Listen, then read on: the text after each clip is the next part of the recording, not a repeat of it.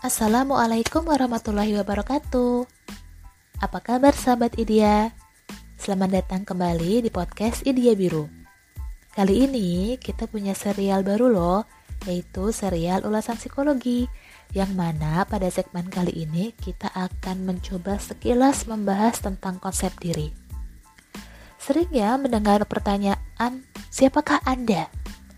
Nah, pertanyaan-pertanyaan semacam siapakah Anda atau siapakah saya ternyata telah ditanyakan lebih dari 100 tahun yang lalu oleh para psikolog yang berusaha menemukan kandungan spesifik dari konsep diri individu. Ya, Berpikir tentang diri sendiri agaknya merupakan aktivitas manusia yang tidak bisa dihindari, bukan? Apa sih konsep diri itu? Emang harus ya punya konsep diri? Bagaimana sih konsep diri terbentuk dan bagaimana konsep diri bekerja? Nah, mungkin itu adalah secuplik pertanyaan yang akan muncul dan harus kita jawab loh. Karena kalau tidak dijawab akan menimbulkan kebingungan yang berkepanjangan. Baiklah, mari kita awali dengan sebuah analogi. Apa yang sahabat bayangkan ketika saya menyebut tata surya?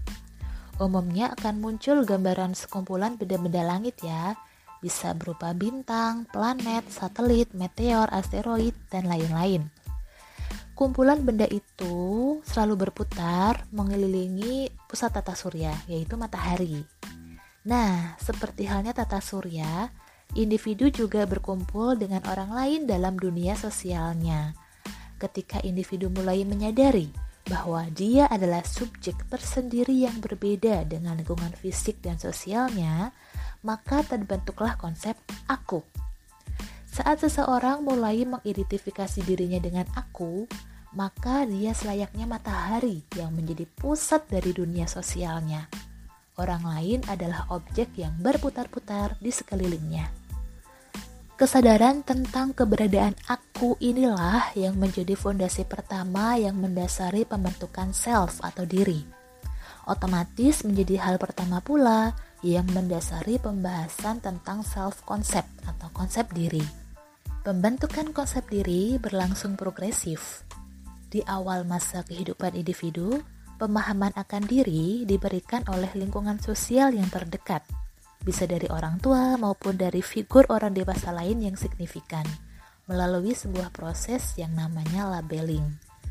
Proses labeling ini mencakup banyak karakter unik, misalnya nama. Si A disebut Fulan, si B disebut Fulanah. Bisa juga berupa identitas seksis. Kamu anak perempuan, kamu anak laki-laki. Lalu hubungan interpersonal. Kamu adalah anak, kamu adalah kakak, kamu adalah adik. Lalu afiliasi etnis, kamu adalah orang Jawa loh, kamu adalah orang Sunda loh. Juga afiliasi religius, kamu orang Muslim, kamu orang Nasrani. Dan juga atribut khusus yang lain, anak pintar, anak cantik, anak tampan. Nah, hal tersebut dalam psikologi disebut dengan identitas sosial atau social identity.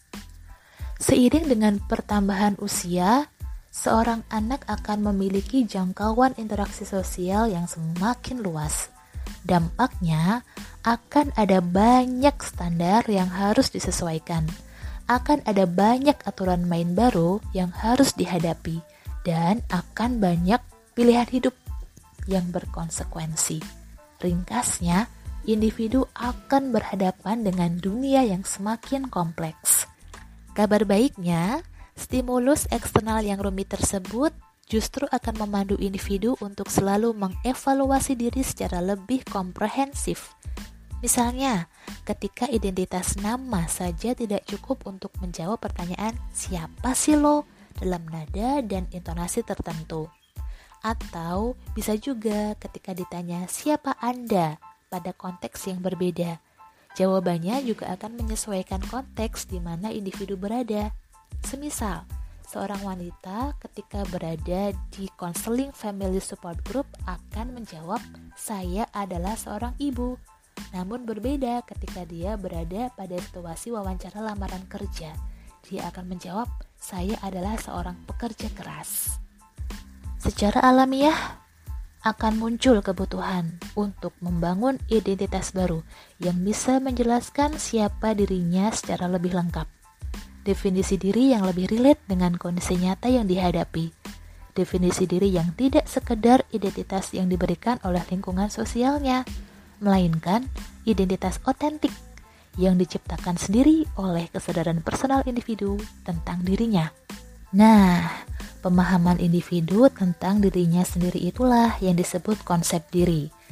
Atau dalam pengertian formal, konsep diri adalah siapa kita berdasarkan penglihatan kita sendiri.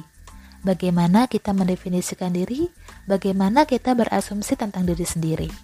Lalu, ketika ditanya, perlu nggak sih membangun dan memiliki konsep diri? Maka saya akan menjawab, seriously, yes. Why? Ya, karena konsep diri akan memiliki dampak terhadap bagaimana cara kita menjalani hidup. Semisal seperti ini. Bandingkan dua orang individu. Salah satunya mendefinisikan diri sebagai orang yang menarik, sementara individu yang lain mendefinisikan diri sebagai orang yang tidak menarik. Pasti akan nampak perbedaan dari mereka kan? Dan bisa kita tebak mana yang lebih banyak bicara dan mana yang lebih banyak diam. Yang perlu diperhatikan nih, konsep diri itu diperoleh dengan usaha. We don't simply sit and wait for ourselves to develop. Individu akan selalu mengevaluasi dan membentuk ulang formulasi tentang konsep dirinya sepanjang hidup. Sampai kapan? Ya sampai dia merasa penilaiannya terhadap diri sendiri telah stabil sehingga tidak perlu revisi lagi.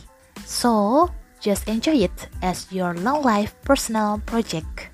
Wassalamualaikum warahmatullahi wabarakatuh.